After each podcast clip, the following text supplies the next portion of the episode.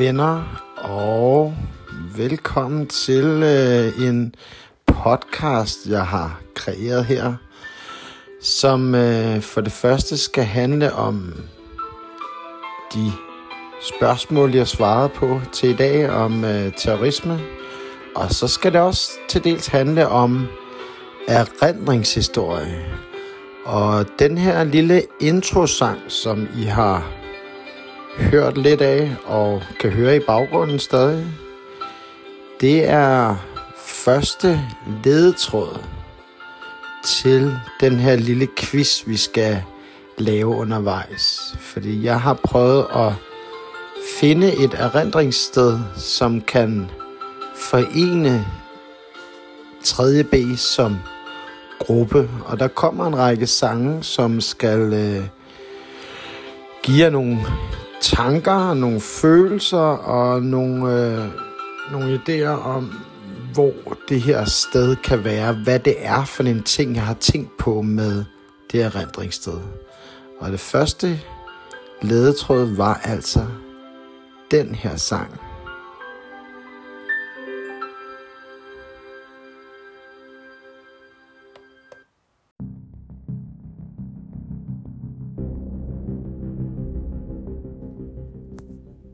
Som sagt, så vil øh, den her podcast bestå af lidt forskellige elementer. For det første vil jeg gennemgå de spørgsmål, som I har besvaret til i dag. Og øh, det har jeg gjort på den her måde, fordi at jeg tænker, at I har rigtig meget mellem ørerne for tiden.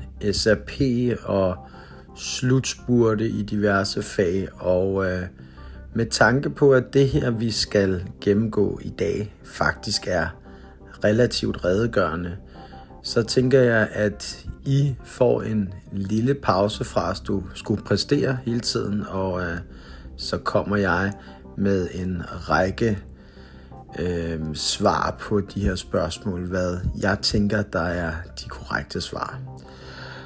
Det er den ene ting, den her podcast rummer. Den anden ting er, at I skal ud og lave nogle kreative øvelser. Og øh, emnet for de kreative øvelser kommer til at være erindringshistorie. Og øh, jeg starter lige om lidt med at komme med en lille beskrivelse af, hvad erindringshistorie nu er for en størrelse. Og der får jeg altså nogle opgaver, som I skal løse undervejs. Så det bliver noget med jeres opgaver. De kommer til at handle om erindringshistorie, og imens I går ud og finder dem, så vil jeg fortælle jer om international islamisk terrorisme ud fra spørgsmålene til i dag. Og som øh, erklæret i starten af den her podcast, så har jeg jo også været lidt kreativ, og jeg har fundet et erindringssted, som binder 3B sammen som klasse. Der vil altså komme en række sange, øh, lydindslag, som gerne skal tage jer, tage jer derhen, hvor jeg tænker, øh, at, at, at I har nogle fælles erindringer.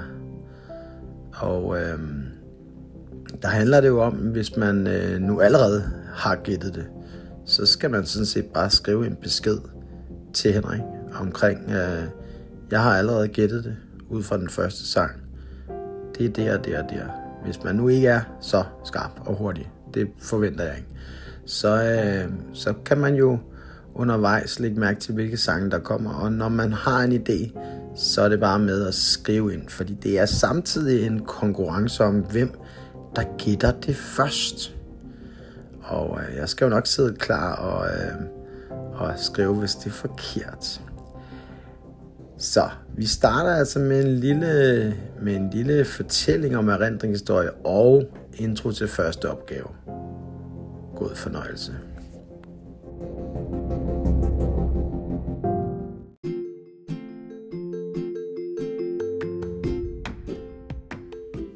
Først skal vi tale lidt om øh, erindringshistorie. Og øh, erindringshistorie er jo øh, bundet op på både den individuelle og den kollektive erindring. Man kan jo strengt talt sige, at uden individuel erindring, så er der ikke noget kollektiv erindring.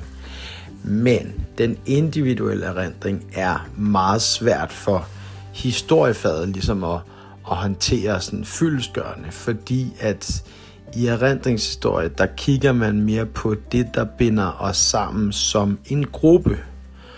Og øh, derfor så øh, skal I nu finde noget i jeres hjem, der hvor I bor, øh, jeres hus, jeres lejlighed, jeres iglo eller biwak, eller hvad I nu bor i. Der skal I finde en genstand, som er et erindringssted for jer. Fordi et erindringssted behøver ikke at være et fysisk sted. Det kan det meget ofte være. Det kan også være en statue, det kan være en genstand fra en ferie, det kan være en sang, det kan være en, øh, en, en, øh, en, en lyd, en, en, en duft, hvad det nu kan være. Øhm, det kan i hvert fald være rigtig mange ting. Det et erindringssted gør, det er, at det er en knage, man ligesom kan hænge fortiden op på, og ligesom dyrke i, i fællesskab med den gruppe, man nu skal dele den her erindring med.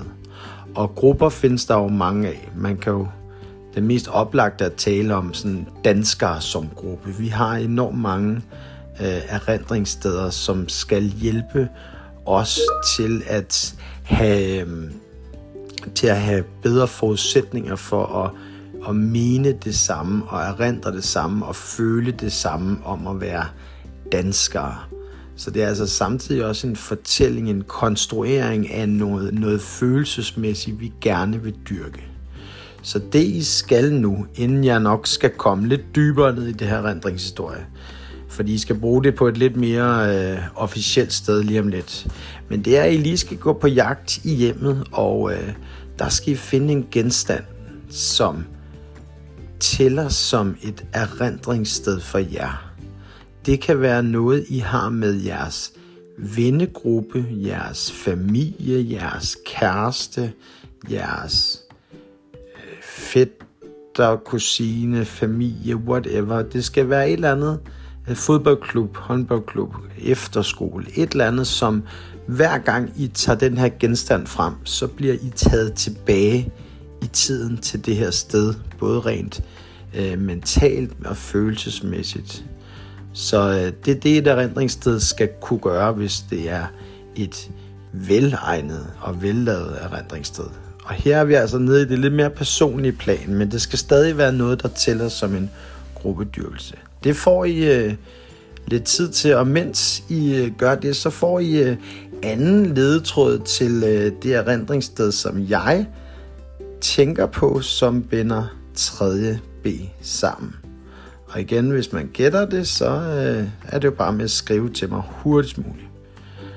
God fornøjelse med at finde en genstand, som I kan tage et billede af til mig og lige skrive et par linjer omkring.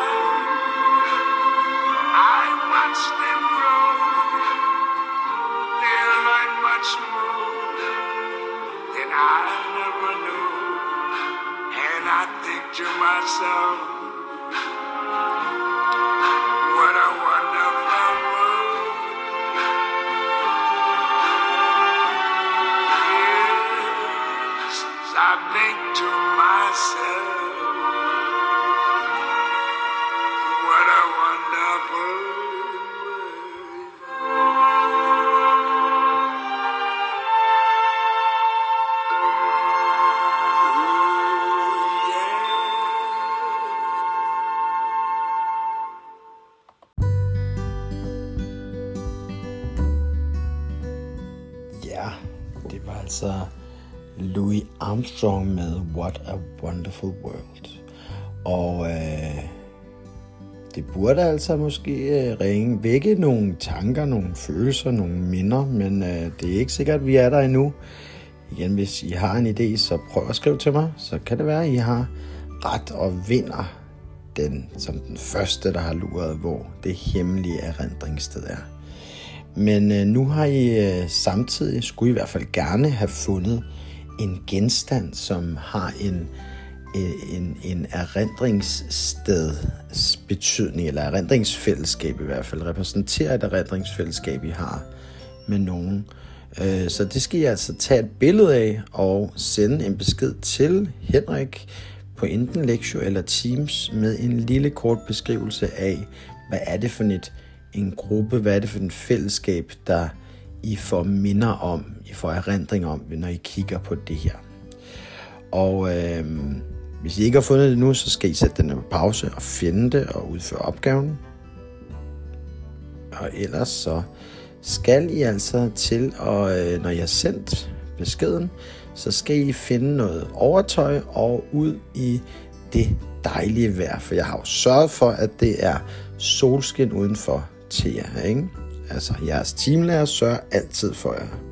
Så øh, på med overtøjet, og øh, så skal vi, øh, så I må godt sætte den her på pause nu, mens I tager overtøj på, og så mødes vi udenfor til øh, en lille vandring i jeres lokalområde.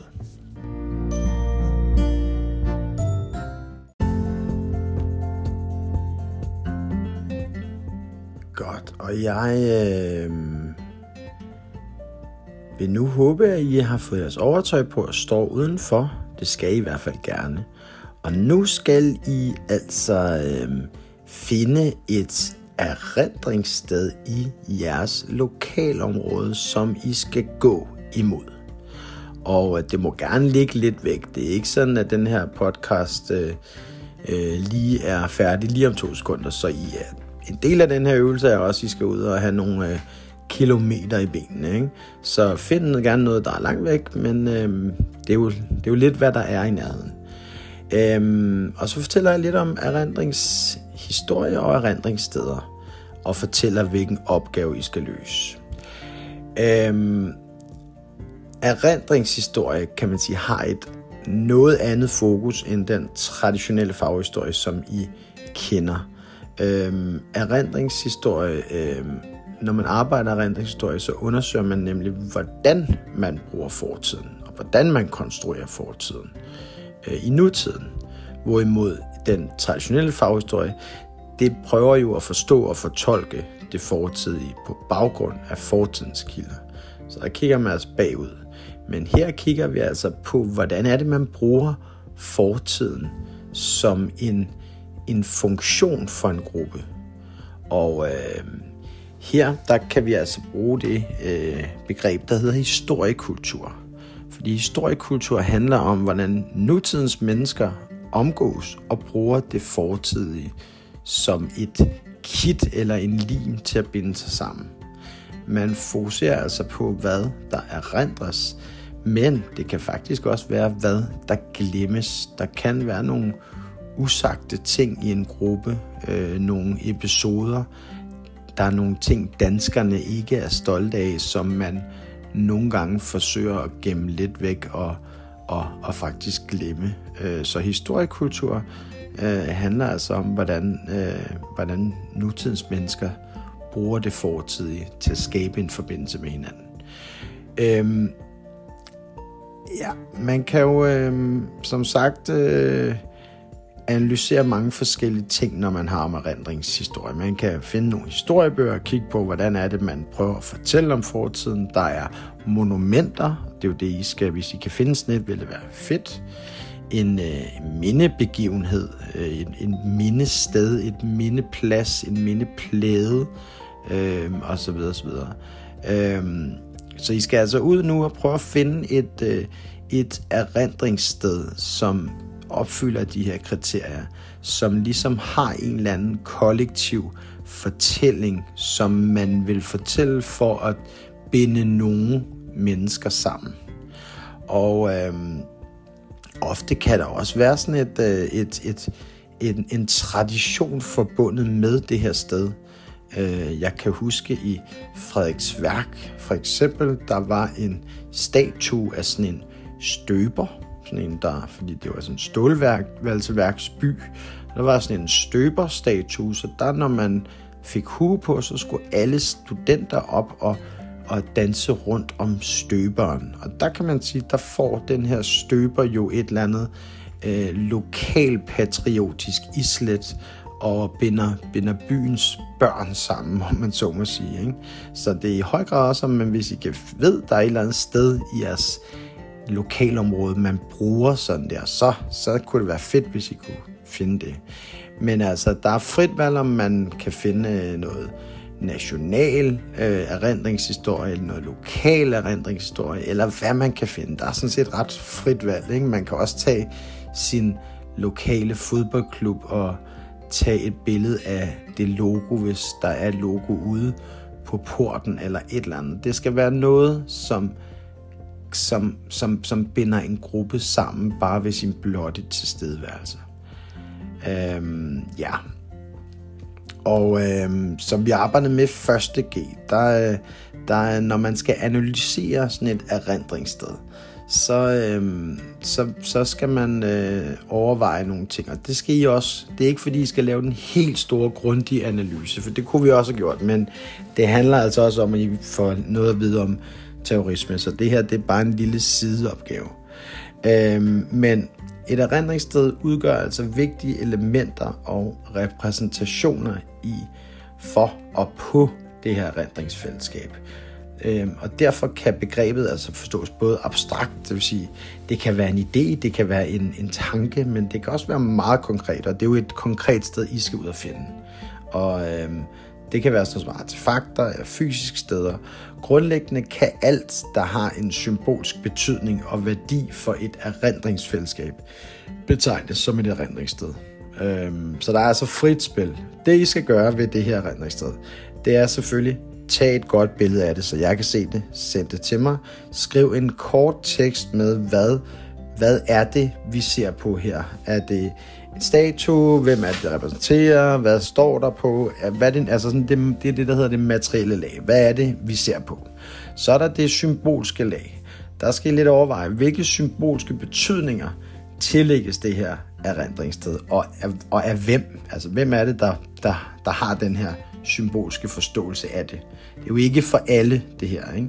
Hvis man nu kommer til en eller anden fremmed by og ser øh, en, en, en, en statue af en støber, så vil de fleste jo ikke, øh, det vil jo ikke have en symbolsk betydning for dem, men fordi man kender forhistorien, og er, at det er gået i fortælling i arv til arv, så har det måske en betydning.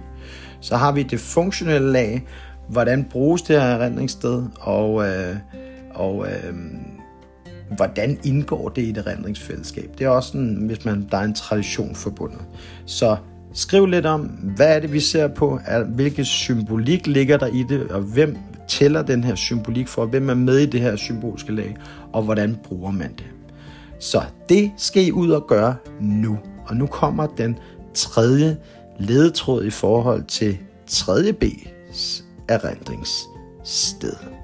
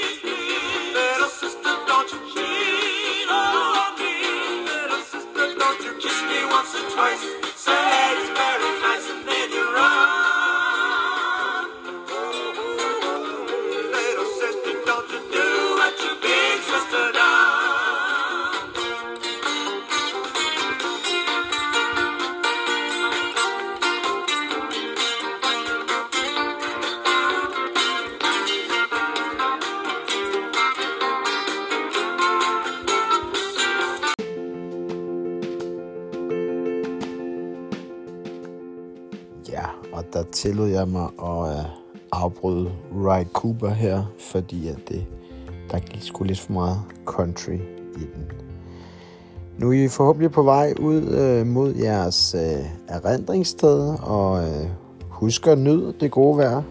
For nu skal jeg fortælle lidt om øh, det, I har læst om og arbejdet med til i dag. Så forhåbentlig stemmer det overens med det, I har læst, og forhåbentlig er der lidt ekstra øh, info i det her.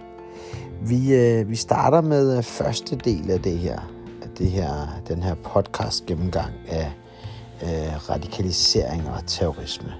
Og øh, den første del handler altså om islamisme som roden til terror.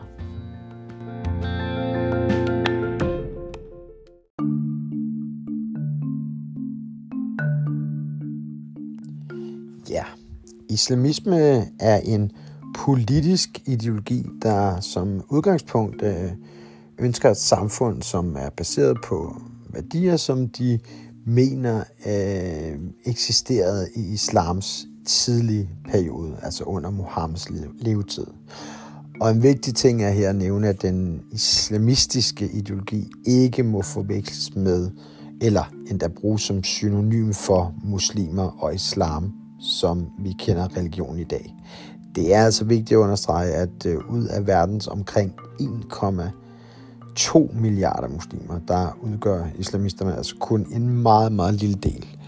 Og de militante islamister udgør igen øh, kun en brøkdel af det samlede antal islamister.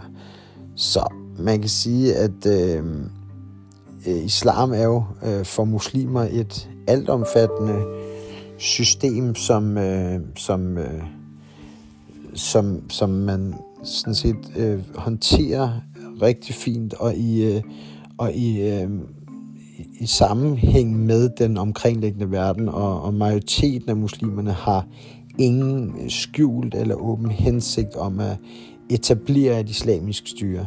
Men der er altså den her lille gruppe af islamister, der åbent øh, kæmper for at implementere et islamisk styre i verden, og at øh, det ligesom øh, skal overtrumfe verden, ikke? eller overtage verden.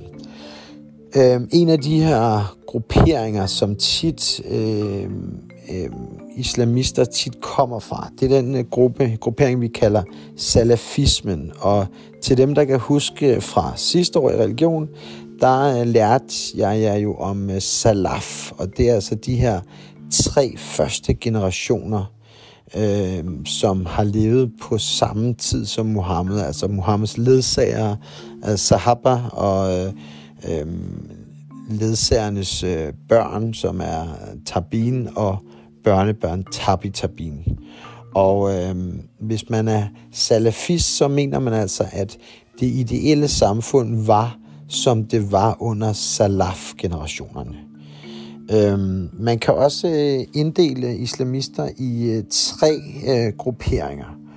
Øh, sådan meget firkantet. Det bliver den slags jo, det ved I. Øhm, man kan sige, der er øh, integra- undskyld forfra, det gik galt, integrationsorienterede islamister.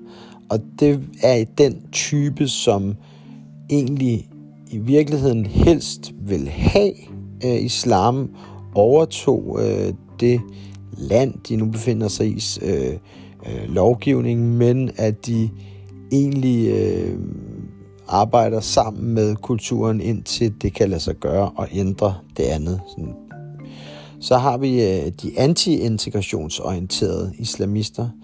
Det kan være sådan nogle som øh, Hizbut som øh, aktivt øh, kæmper for at få ændret lovgivning og få ændret praksis i, i forhold til, at man vil gerne vil have en mere øh, islamistisk fortolkning. Og så har vi altså den øh, helt lille gruppe, der er militante islamister, altså dem, der kæmper aktivt militært øh, med terror for at opnå det her, øh, det verdensomspændende islamistiske styre.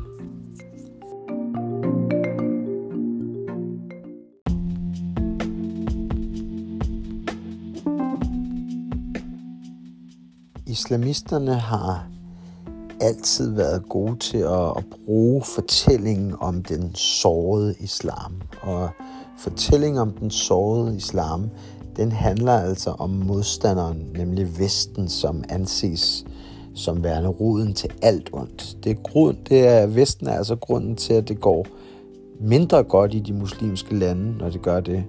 Vesten har udsultet den muslimske verden og har invaderet den muslimske verden med deres onde og materialistiske livssyn. Og øh, helt generelt for forbindes modernitet og sekularisering med Vesten, og derfor anses de altså især af de her øh, islamister som islams fjender. Og øh, derfor er det jo nemt at lave den her, den her øh, fortælling om, at det er en pligt for de her mest militante islamister at kæmpe alle sag, fordi det, de er jo ved at blive bekæmpet af Vesten. Både militært, men også kulturelt og økonomisk og alle de her ting.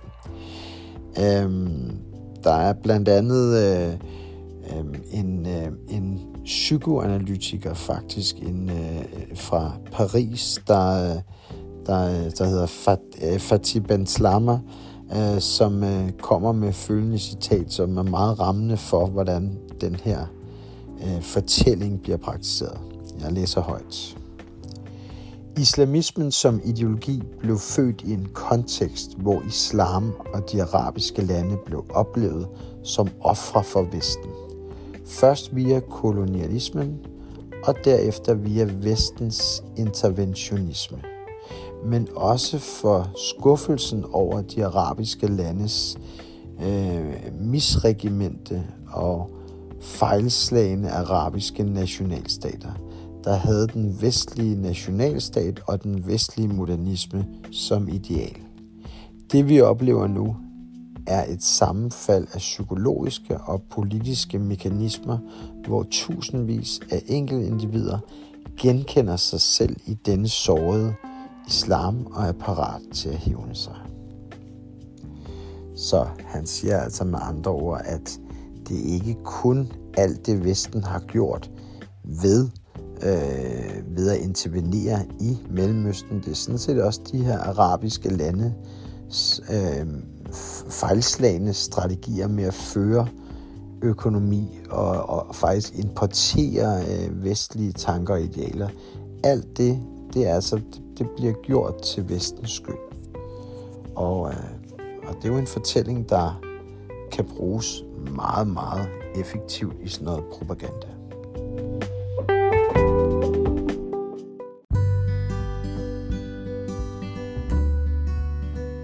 Hvis vi nu skal kigge lidt på kilden, som alle muslimer jo på en eller anden måde skal forholde sig til, så har vi jo at gøre med Koranen. Vi har selvfølgelig også tit at gøre med haditter, men øh, i hvert fald Koranen skal alle, eller alle muslimer jo på en eller anden måde forholde sig til.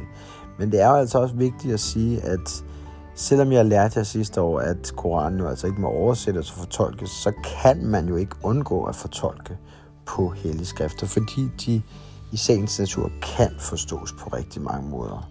Og det står meget øh, modsigende, selvmodsigende i Koranen. Øh, så man, øh, man opererer altså både med tolerante vers og intolerante vers. Øh, jeg har selv læst eksemplerne på dem til i dag, så jeg vil ikke lige dykke ned i selve versene. Men en, vigtig, en vigtig pointe her, det er, hvordan man tolker på de her vers. Fordi at de kan sådan set sige det diametralt modsatte i det ene vers til det andet vers. Og øh, der er en tendens til, at øh, de mere øh, tolerante øh, vers, de kommer fra den, de her åbenbaringer fra Mekka-tiden, som altså var den, den, den første øh, åbenbaringsbølge, der kom til Mohammed, inden han øh, under Hidra i øh, det 622 udvandrer til Medina, hvor han så får en ny øh, række af øh, åbenbaringer. Og øh, åbenbaringerne fra Medina er altså lidt mere sådan intolerante. Og det, det er der jo måske en god forklaring på, fordi at modernisterne vil jo hævde, at de her øh, tolerante vers fra Mekka, det er de entydige vers, der gælder til alle tider. Og øh, de intolerante vers, de skal altså se i sin historiske sammenhæng og fortolkes ud fra, at jamen her har man etableret en, et samfund og en her, så derfor angår de det her samfundsmæssige ting, som man jo skulle skal læse ud fra en kontekstuel sammenhæng. Det vil sige, på det her tidspunkt er de troede, og de skal altså kæmpe. Derfor så ligger der de her ting i Koranen. Herimod der vil fundamentalister, eller undskyld, de her øh, islamister, øh, de vil hævde generelt, at de tolerante vers fra Mekka, de er blevet ophævet, eller er gået i glemmebogen, fordi at Gud jo efterfølgende har åbenbaret nogen, der er bedre, nemlig de intolerante vers fra Medina-tiden. Altså igen, den, den forklaring er jo ikke særlig god, fordi det åbner jo også op for, at Gud laver fejl, undskyld, alle laver fejl, og det den går altså heller ikke som muslim. Så, men det er i hvert fald den måde, at man, øh, man, øh, man, man kan sige, at der er en forskel i fortolkningerne af de her koranvers.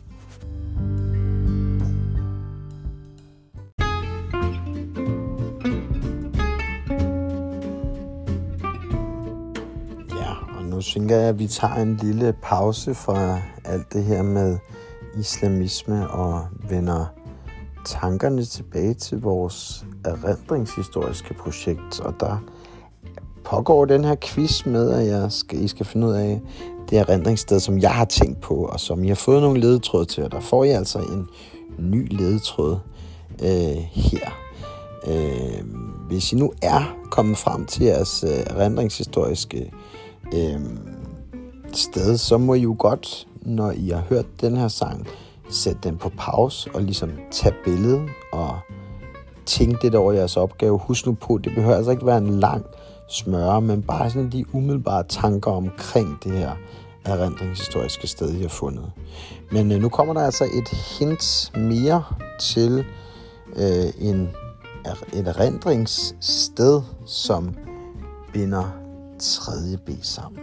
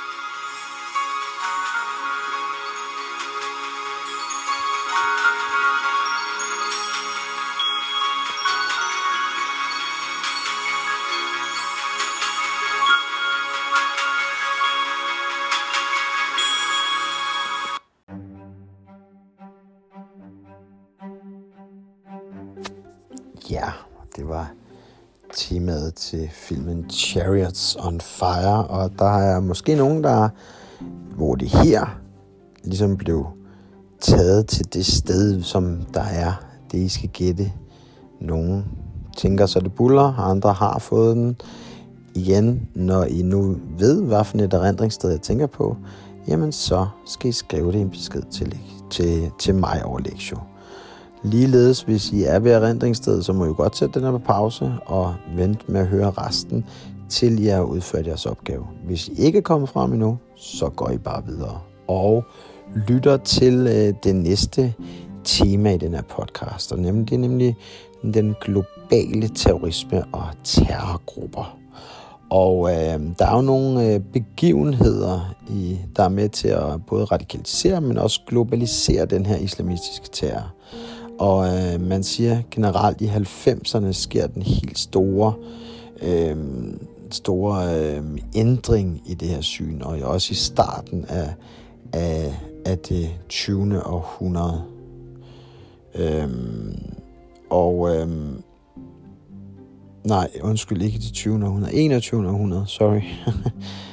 ja, Øh, det første, det har vi jo snakket lidt om i forhold til den kolde krig, men det er de her øh, mujahediner, der øh, kæmper mod Sovjetunionen i øh, Afghanistan, og øh, som hvor de bliver invaderet af Sovjetunionen i 1979.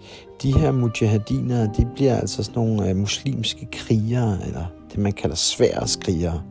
Og efter de, øh, de taber en hel masse mujahediner, men, øh, men ender jo med at vinde den her kamp mod øh, stormagten her. Ikke? Og de tager faktisk den her praksis videre efter befrielseskampen. Øh, og, og faktisk øh, begår en masse angreb mod, øh, øh, mod, mod en masse af de her øh, europæiske øh, Øh, øh, hvad hedder det, lande, øh, både i øh, Kroatien og Schweiz, men sådan set også afrikanske lande som Ægypten og Etiopien og, og med, lande fra Mellemøsten, blandt andet Pakistan. Øhm, en anden af de her begivenheder er øh, udstationeringen af amerikanske tropper i Saudi-Arabien. Og øh, det var øh, det, det, den her for, for, for de her øh, islamister, så der er øh, der er Saudi-Arabien noget helt specielt, fordi der, det er jo der både Mekka og Medina ligger, så det er det hellige land, og at det bliver betragtet som det her skandaløse angreb fra de vantros side, at, øh, at man altså indsætter amerikanske tropper på det hellige land. Så er der selvfølgelig krigene mod øh, Afghanistan og Irak efter terrorangrebet 11. september. Øhm, ja.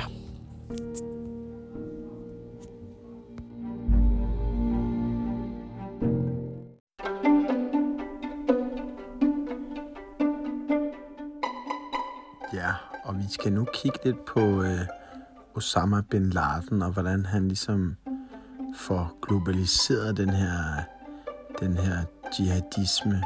Øh, og øh, ja, for en god ordens skyld her snakker vi altså om øh, det, man inden for religion kalder den lille jihad, altså sværets jihad.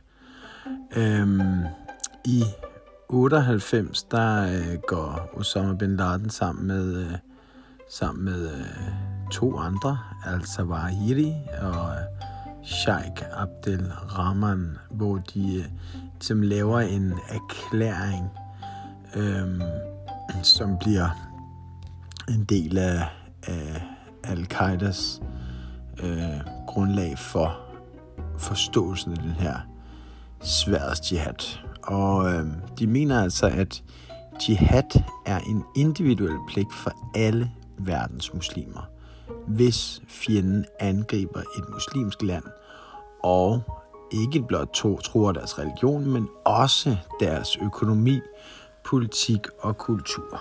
Og her er det altså, at det, det bliver meget bredt, fordi at Bin Laden udvider faktisk den her sådan defensiv jihad med, at man altså bliver troet på politik og kultur og økonomi. Så derved kan man jo altså også lige pludselig retfærdiggøre, at der kommer nogle kulturelle påvirkninger fra Vesten, som man altså godt må hævne. Ikke? Øhm, Bin Laden vil øh, store mål er sådan set ikke på det her tidspunkt at udbrede islam til hele verden. Hans øh, defensive jihad øh, opfattelse indebærer, at øh, den her krig mod Vesten stopper, når de vantro stopper deres aggressive adfærd og indflydelse i de muslimske lande. Bin Laden øh, nedkalder en, øh, en, en fatwa, som jo er en religiøs øh, svar på en problemstilling, øh, som jo inden for de her ekstremister, der er Bin Laden jo en, en, øh, en autoritet, og derfor kan han altså øh, Øh, udlægge en fatwa, altså en, en, øh, en, en ordre, kan man næsten sige, øh, på drab på civile øh, militære øh, og eller undskyld, militære amerikanere og, og deres allierede. Øhm, så, så det er øhm, det, det er det er noget nyt her, at man ud fra øh, Koranen finder nogle, nogle øh, vers, hvor man kan legitimere og slå civile kristne og jøder ihjel. Øhm, han finder altså to vers fra Koranen, som han, øh, som han bruger til at legitimere den her, den her øh, kamp. Blandt andet bekæmp alle dem, der sætter andre ved Guds side, ligesom de bekæmper jer alle. Og en anden, sur 8. Bekæmp dem, indtil der ikke er mere forfølgelse, og troen på Gud er fri. Og altså, der kan man sige, det, det er jo meget, meget, meget, meget fri fortolkning, ikke, det her. Men øh, Bin Laden bruger altså øh, de samme vers, som, han, som fundamentalisterne bruger, men han tolker dem på den her måde ikke som carte blanche til en sådan per- permanent revolutionær kamp. Øh, hvorimod øh, islamisk stat, altså IS, øh, mener, at fjenderne skal bekæmpes indtil troen på Allah er fri. Og det vil altså her sige, at det er en langt mere udbredt kamp, som øh, islamisk stat tænker at kæmpe. Fordi at øh, det vil sige udbrede islam og faktisk, som man siger, eller som de siger, fremtvinge enden på menneskelighedens herredømme over mennesker og menneskeskabte love. Anerkendelse af Guds suveræne overherredømme og accepten af sharia, sharia-lovgivning som den eneste lov.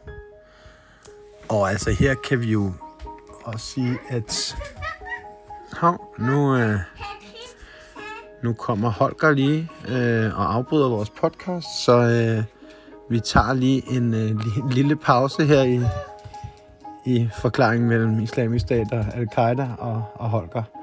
Øh, to sekunder. Bare nyd det gode vejr.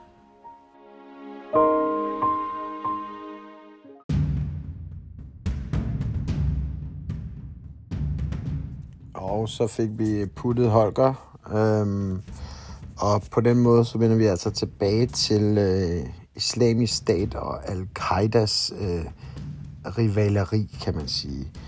Øhm, forskellen er, at øh, islamisk stat går altså ind for offensiv jihad og faktisk også drab på andre muslimer, øh, hvorimod al-Qaida går ind for en mere defensiv øh, jihad og tager faktisk afstand fra islamisk stats ekstreme vold. Desuden er de to grupper øh, dybt uenige omkring, hvornår tiden er inde til det her kalifat, altså det, øh, det, det islamiske storrige, og øh, der mener al-Qaida ikke, at tiden er inde, fordi at de mener, at, at de sammenligner nutiden med den periode, hvor Muhammed udvandrede fra Mekka og, og altså bagefter indledte en krig mod byen. Øhm, og der led øh, muslimerne altså et stort nederlag. Så øh, i, i starten, ikke? Øh, altså ikke da det går godt i år 630, men det første sådan angreb, som øh, var øh, tre år efter Hitler, nemlig i 625. Der lider de altså et stort nederlag. Og øh, dengang, der, der stod islam så i en svag position, og kalifatet lå derfor sådan i, ude en lang, langt ud i fremtiden. IS sammenligner derimod nutiden med år 633, hvor øh, Abu Bakr blev valgt til øh, kalif, og de arabiske stammer var nedkæmpet. Og, og derfor så øh, er det altså nu, at man kan sætte ind med at erobre resten af verden.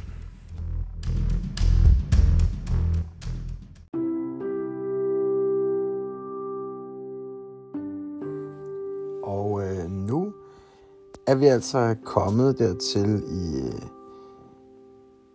podcasten, hvor I igen skal øh, overveje, hvor langt I er nået. Er I kommet frem til jeres erindringshistoriske sted, som I skal lave en lille analyse af, så sætter I altså den her på øh, pause, tager et billede og formulere en lille tekst over lektion. Det, igen, det behøver ikke at være meget, bare lige nogle betragtninger omkring, hvordan man kan tolke det her som et erindringssted.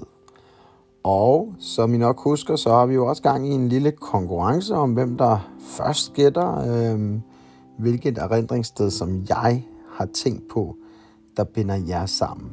Der får I jo her en ledetråd til.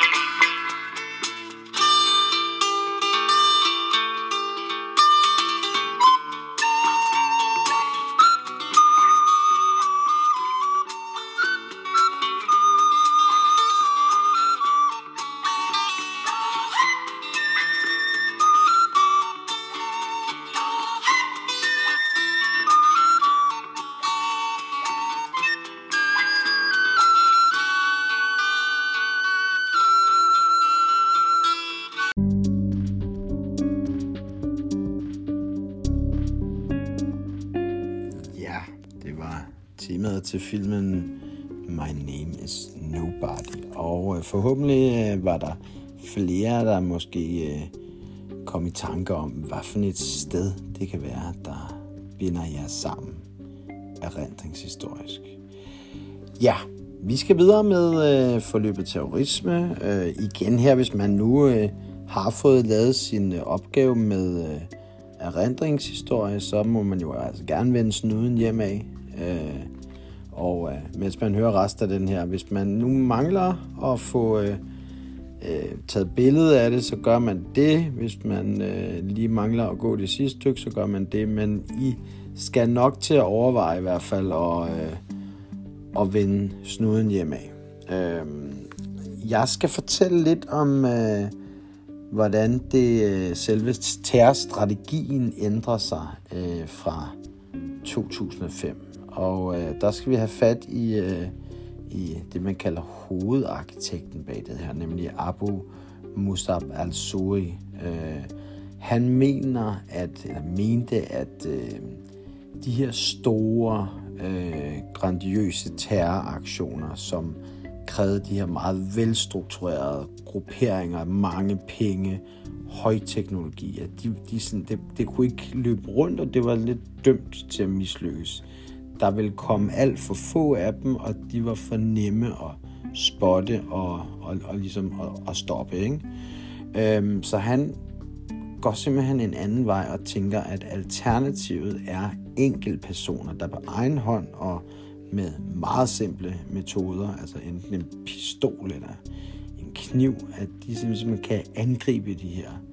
Det er det, man kalder den lavintensive terror. Så man går altså fra højintensiv terror til lavintensiv terror, fordi den netop er mm, ekstremt billig, den er uforudsigelig, og den er jo selv sagt meget svær at, øh, at afsløre den lavintensive terror, øh, den, øh, den, øh, der, der går man ikke i så høj grad efter maksimal ødelæggelse, men mere det, man...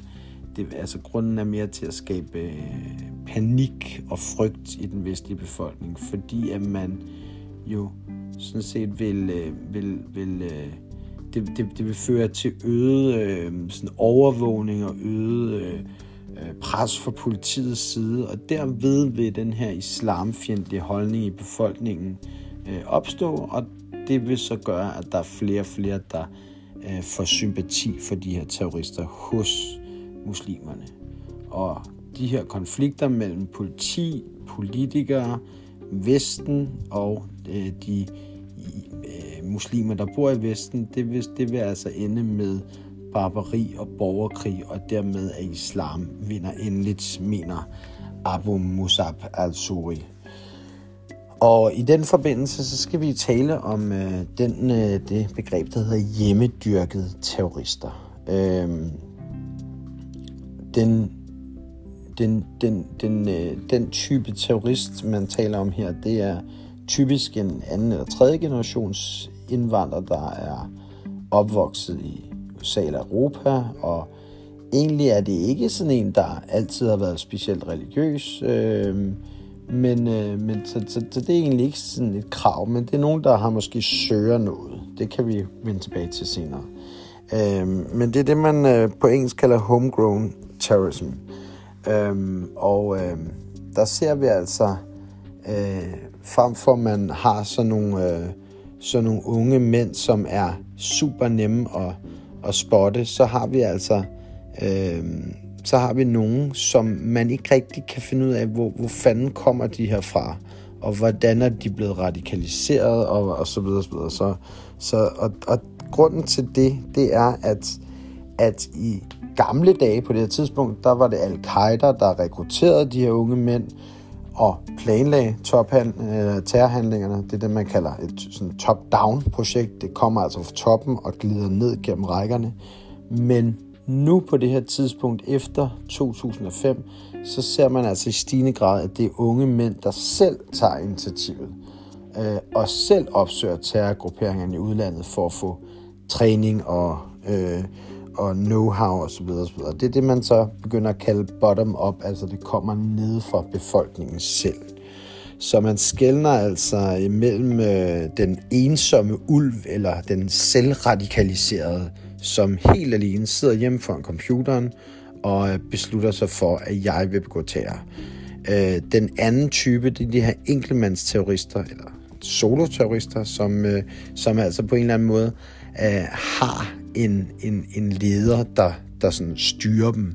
Men alligevel så handler de sådan ret meget på egen hånd, men de har altså mere en, en, en connection til øh, de her grupperinger. Og øh, islamisk stat har været særligt dygtige til at bruge de her hjemmedyrkede terrorister. Man har blandt andet lavet en sådan helt speciel afdeling, der rekrutterer undskyld, og uddanner og, og, og sådan støtter de her terrorister ned i mindste detalje, og man har lavet en lang manual, som øh, cirkulerer på de sociale medier, og hvor hovedbudskabet er, gem dig i mængden og lign alle de andre unge. Og man opfordrer dem altså til at barbere sig, bære kristne symboler og øh, drikke sig fulde og, og ryge hash og så videre, så, videre. Sådan, så, så de andre ikke får mistanke, og man ikke får øh, myndighederne sådan, sådan bliver tiltrukket af en. Så, så, så man bliver altså sådan opfordret til at, at blende ind, som man siger. Ikke? Øh, og derudover så indeholder den her manual altså en detaljeret vejledning om processen fra ideen om en terroraktion til dens egentlige udførsel, sammen med hvordan man undgår at sætte eller afsætte elektroniske spor, der kan øh, afsløre en. Øh, så, så man kan sige, det er jo i høj grad blevet sværere at, at finde og fange de her. Og øh, man kan sige, det her med hjemmedyrkede terrorister, det er meget udbredt. I USA vil man sige, at alle de angreb, der er blevet udført efter 9-11, de er altså udført af amerikanske statsborgere eller personer med permanent opholdstilladelse. Så det er altså, øh, det er, det er øh, ligesom det, det, der, det man er blevet enige om, er, er den farbare vej for terrorister. Ikke? inden for terrorkredse.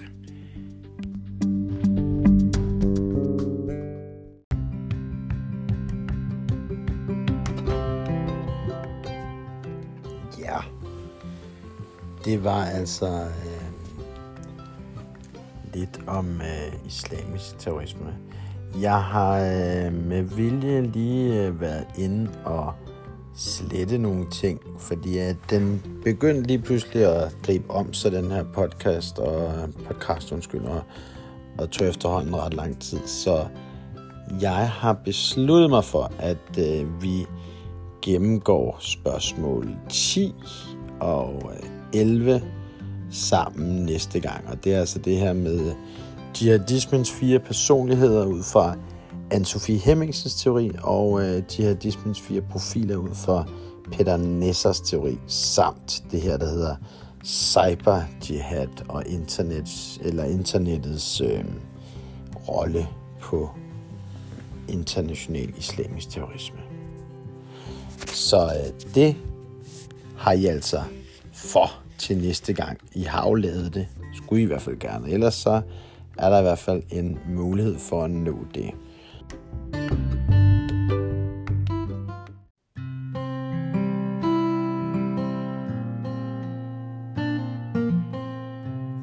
Ja, det var det om øh, international islamisk terrorisme for i dag. Jeg håber, at I gennem øh, jeres øh, læsning af materialet, jeres besvarelse af spørgsmål og nu den her gennemgang øh, af mig, øh, har fået en forståelse øh, af baggrunden for det her begreb international islamisk terrorisme og islamisme specielt, og hvordan man ligesom værver og organiserer sig og begrunder de her øh, terrorangreb. Samtidig har vi jo også været igennem en, øh, en lille øvelse med øh, erindringshistorie, og øh, det er jo længe siden, vi har beskæftiget os rigtigt med det, så det var en kærkommen lejlighed nu, da vi skulle ud og gå, at I skulle ud og løse nogle lidt mere kreative opgaver. Så jeg håber også, det var en god lille repetition af det her nicheemne inden for historien, nemlig erindringshistorie, som vi jo sidste gang snakkede i første G om. Øhm, til sidst, så skulle I jo øh, gerne have en idé om øh, svaret på quizzen, og det I altså skal svare på, det er, hvilket sted de her sange skulle øh, tage jer tilbage til. Øh, det er jo altså et sted, som I som binder jer sammen som gruppe, 3B. Øh, og øh, der er nok rigtig mange, der har gættet det, og nogen, der stadig mangler den endelige sidste ledetråd. Den kommer lige om to sekunder. I må meget gerne, når I sender jeres materiale, også lige sende en lille besked med øh, noget feedback på den her øvelse. Måske noget, der kunne være bedre, eller om I synes, det var sjovt eller godt, eller øh, at I synes, det var en forfærdelig øvelse, eller hvad det nu kan være. Så øh, konstruktiv kritik modtages meget gerne. Til sidst, så skal jeg altså have den øh, sidste ledtråd øh, vedrørende den her quiz omkring, øh, hvilket erindringssted jeg tænker binder jer sammen som gruppe. Og der har været en lang række mus- musikalske indslag, som har givet jer nogle ledetråde, men øh, nu kommer den største ledetråd af dem alle sammen til dem, der ikke har regnet stedet ud endnu. Så jeg vil slutte af med at sige tusind tak for i dag, og jeg håber, I har hygget jer, og det har været hyggeligt at være ude og gå mere i det blå. Øh, så har vi i hvert fald fået nogle kilometer i benene og lidt sol på snuden. Og nu skal vi til noget, der i hvert fald emmer af sol og varme og sjov. God fornøjelse.